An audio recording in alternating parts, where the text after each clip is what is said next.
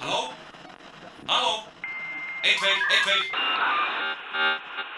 Þetta er vísindavarp ævars. Við byrjum núna.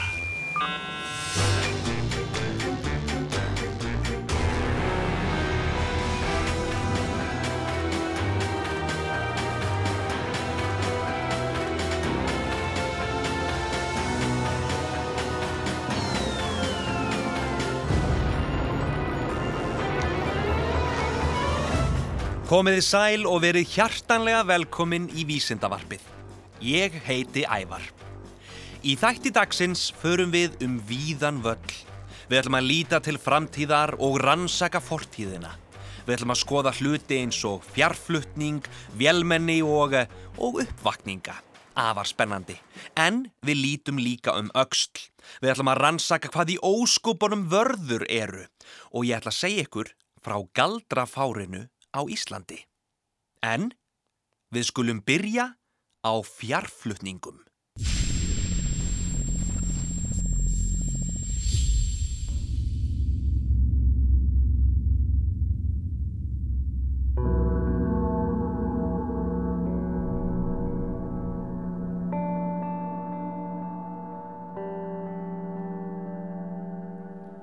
Fjarflutningur eða teleport eins og það heitir á ensku er draumaferðamáti mannkinsins. Þú stendur kyrr, það er ítt á takka og eins og fyrir galdra þá leysistu upp og ert sendur eins og tölvupóstur á áfangastað á örskottstundu. Ef þetta væri hægt, þá þyrti engin að setja marga klukkutíma í rútu. Óþægilegar flugferðir væri úr sögunni, björgunar aðgerðir tæku engan tíma og ef þið langaði í ítalskan ís, væri ekkert mála að skreppa bara til Ítalíu og næla sér í einn með dífu og kurli. En það eru tvær hliðar á öllu.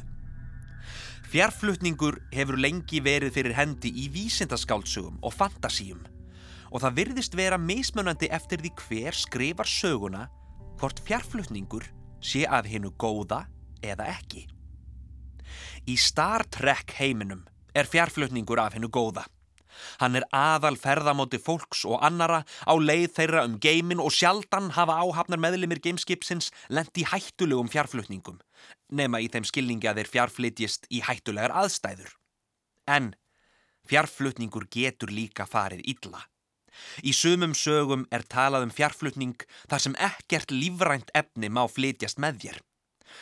Þú getur þá til dæmis ekki bjargað særðum félaga úr hættulegum aðstæðum því þá myndu þið blandast saman við heimkomuna.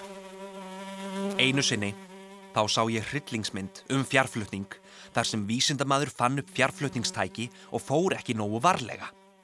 Húsfluga var í fjarflutningsklefanum þegar tilraunin átti sér stað og því blönduðust vísindamadurinn og flugan saman. Og smám saman fór auðmingja madurinn að breytast í risastóra flugu og svo ófreskja var væga sagt óhugnaleg.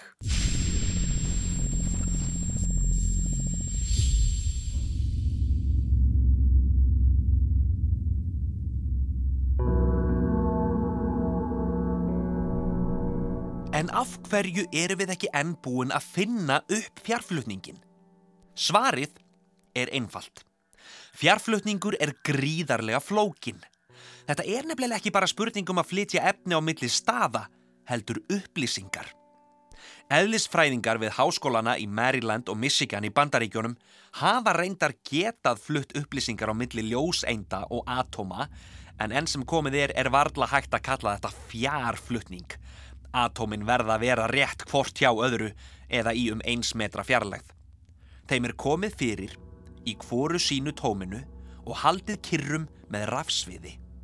Mjög hraður leysir veldur því að atómin gefa bæði frá sér ljóseindir á sama tíma og ef þar ná að tengjast á nákvæmlega réttan hátt hermir atóm B eftir upplýsingunum í atómi A áður en þar hverfa úr því síðarnemda og út í tómið. Tæknilega er þetta fjarflutningur en þetta er langt frá því sem við höfum að venjast í kvikmyndum og sjómarpi þar sem manneskjur eru fjarfluttar á milli fjarlagra staða. Reyndar tókst bandaríska vísindamannunum Nikolas Gissin að fjarflytja ljóseint yfir tæplega 6,5 km árið 1993. En það þýðir samt ekki að við ættum bráðum að geta flutt fólk á milli staða. Því sangvand öllu ætti fjarflutningur á fólki að vera ómögulegur. Og fyrir því líkja tvær ástæður. Annars vegar svo að manneskjan, við, manneskjan er samsett úr gríðarlega mörgum eindum sem þyrtu allar að fjarflytjast á nákamlega réttan hátt á nákamlega réttan stað. Samkvæmt vísindum nútímans er það nánast ómögulegt. En segjum sem svo að það takist. Þá kemur setni ástæðan og hún er örlíti flóknari og hún er í formi spurningar. Er manneskjan sem lendir á áfangastað svo sama og manneskjan sem fjarfluttist? Leysist manneskjan upp við fjarflutningin og annað eintak af henni með nákvæmlega sömu minningar endar á áfangastað? En hvað verður þá um upphaflegu manneskjuna? Hverfur hún bara eða, eða verða til mörg eintuk af sömu manneskjunni? Þetta er einstaklega flókið og það er því nokkuð ljóst að það er langt þanga til við munum geta fjarflutt okkur til Ítalíu eftir ís. En þetta getur samt verið miklu verra.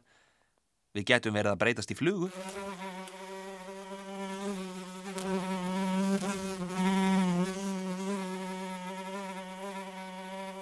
Segjum þetta gott af fjarflutningi í byli. Nú skulum við spjalla um vélmenni. Það vita allir hvaða getur verið ótrúlega þreytandi að þurfa að taka til. Hugsið ykkur bara ef það væri til vél sem gerði það fyrir mann. Hún myndi kvorki kvartan, ég kveina, hún myndi í verstafalli slökva á sér þegar hún erið strömlaus. En hvað ef við tökum þetta skrefinu lengra? Hvað ef þú ættir vél sem legði líka á borði fyrir þig? Eða vél sem eldaði matinn fyrir þig? Hvað ef þú ættir vél sem getur hreinlega séð um alltaf leiðilega sem þú þart að gera á hverjum degi? Hvað ef þú ættir vélmenni? Í mörg ár hefur fólk beðið spennt eftir vélmenninu. Kvikmyndir sem gerast í framtíðinni eru stútfullar af þeim, sem og bókmyndirnar. Vísindaskáldsagna höfundurinn Isaac Asimov gekk meira segja svo langt að skrifa svokölluð bóðorð eða skipanir fyrir vélmenni sem þau urðu að hlýða. Þó að vélmenni séu gríðarlega hendu húsjálp í framtíðar sín rithöfunda, þá eru þau þeim göllum búin að snúast oft gegn mannkininu með skelvilegum afleðingum. Annarkvort er mannskeppnunni útrýmt eða við erum notuð sem eldsneiti fyrir vélmennin. Úf. Vélmenni, það er að segja, vélar sem eru eins og menn, eru nú þegar til. Þau eru bara frekar dýr og þess vegna sjáum við þau nánast hvergi. En þau eru klár og þau geta gert alls konar hluti.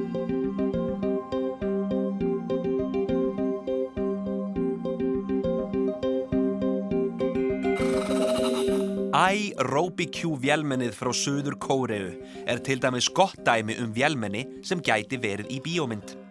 Þú getur sagt því hvaða á að gera og það er beintengt í breyðbandið heima hjá þér.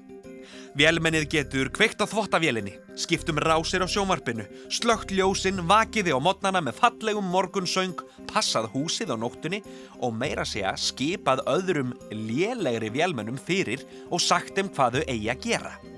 Auk þess þá kennir það börnum ennsku í heimalandinu, bæði með tali og myndum sem byrtast á skjá framan á því. En það eru fleiri stórmerkileg vélmenni sem eru nú þegar til. E-Nuvo vélmenni frá Japan er aðstóðar kennari og getur haldið upp í samræðum. Hubo FX1 vélmennið frá Kóreu er risastór stóll með fætur sem þú stjórnar með fjastýringu. Manga vélmennið frá Japan lappar um eldhúsborðið og býr til kaffi handa þér.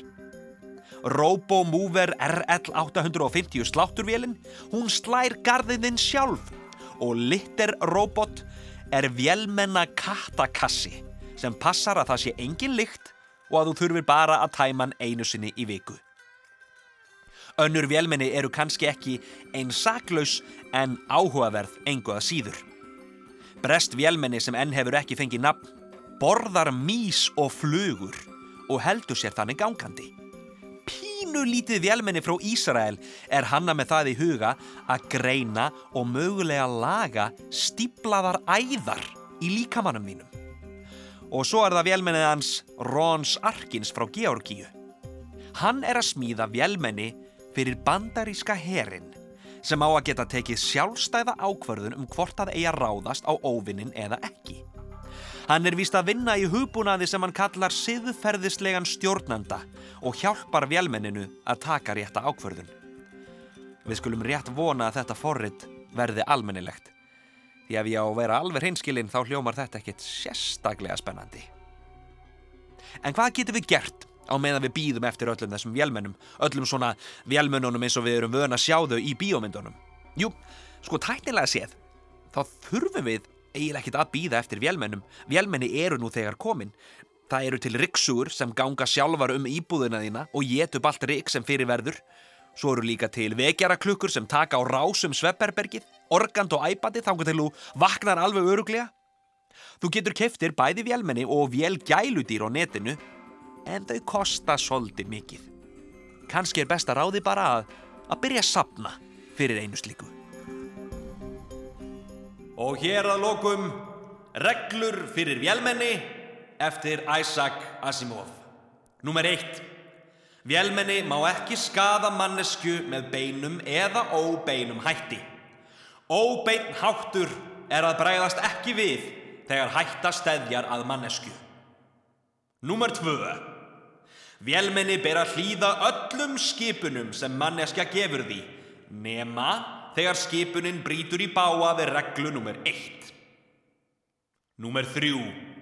Vélmenni ber að vernda sjátt sig svo lengi sem það brítur ekki báa við reglur nummer 1 og 2.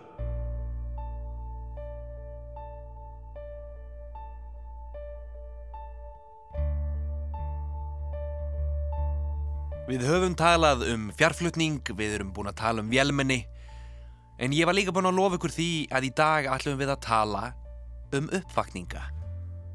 Ég er mikill áhuga maður um uppvakninga, en fyrir þá sem ekki vita hvað uppvakningar eru, eða zombjar eins og sumir kalla þá á ægilega ljótri íslensku, þetta eru einhverju sem dóu og voru vaktir upp frá dauðum. Og nú þegar þeir eru lifnaðir við, þá ætla þeir að geta alla þá sem þeir ná í. Ég tek það strax fram, uppvakningar eru á sjálfsögðu ekki til í alvörunni. Þetta eru kvikindi úr, úr bíómyndum og bókum svona áleika eins og vampýrur og, og Frankenstein skrimslið. Enga síður, mjög spennandi. Það eru engar vísindalegar sannanir fyrir því að uppfatningar séu til í alvörunni sem betur fer. En þjóðsögur Jóns Árnasonar eru stútfullar af sögum af óhugulegum uppvatningum sem fólk vakti upp frá dauðum oftast með hræðilegum afleðingum.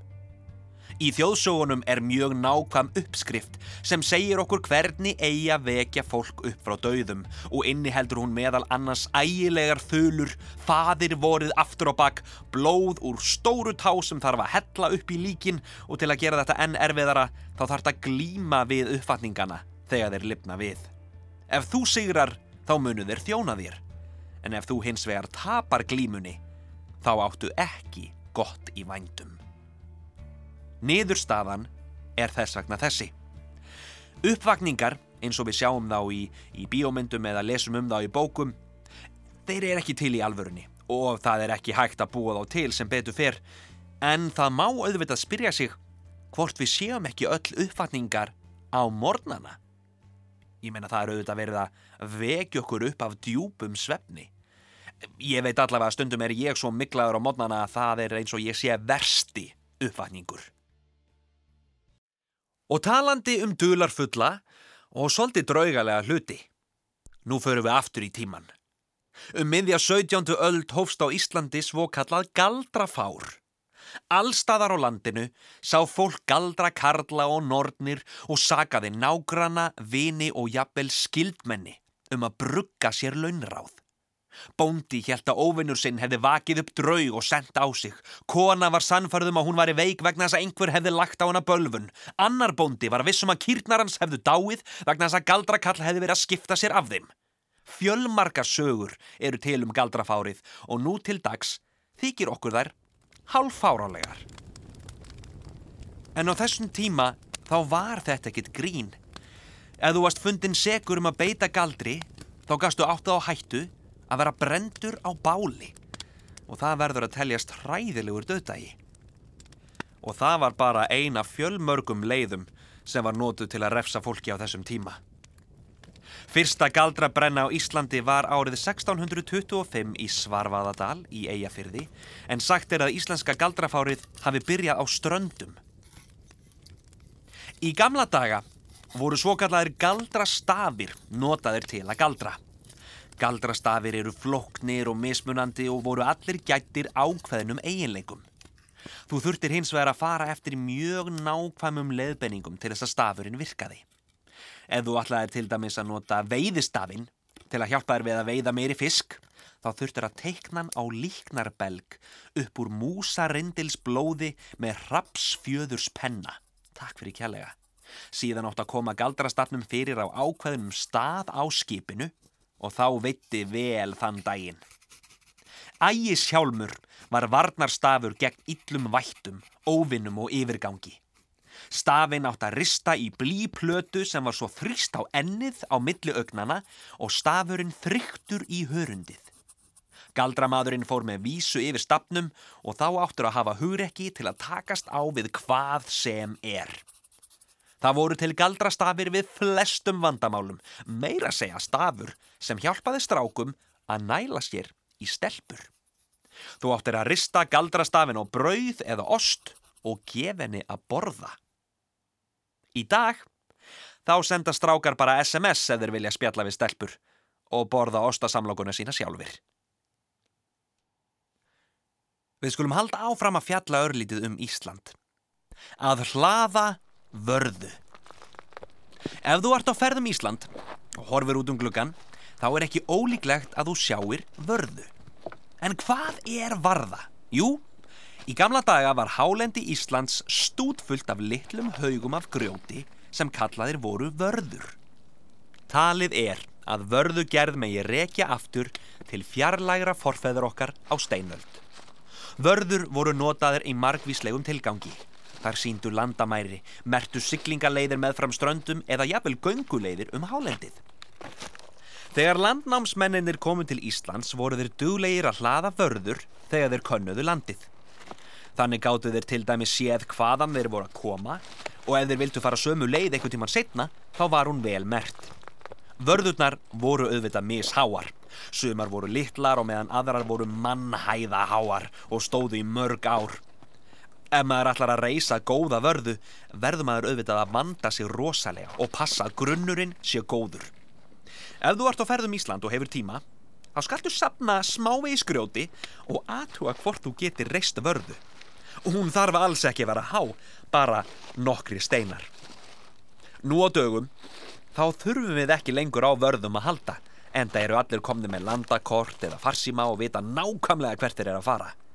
En þó standa bestu vörðurnar enn. Lít í kringum þig. Sérðu vörðu einhver staðar?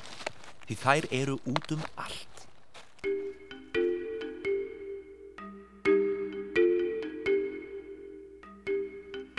Þættinum er lokið. Ég vil sérstaklega þakka Vísendavef Háskóla Íslands, vísendavefur.is og um leið minna á heimasíðu þáttarins rúf.is skástrygg ævar. Ef þið farið þangað þá getið þið hlusta á þennan þátt aftur eða jáfnvel hlaðið niður öllum hinum vísendavörpunum og hlustað á þau hvar og hvenar sem er. Ég þakka fyrir mig, ævar vísendamadur, í framtíð og fortíð, yfir og út.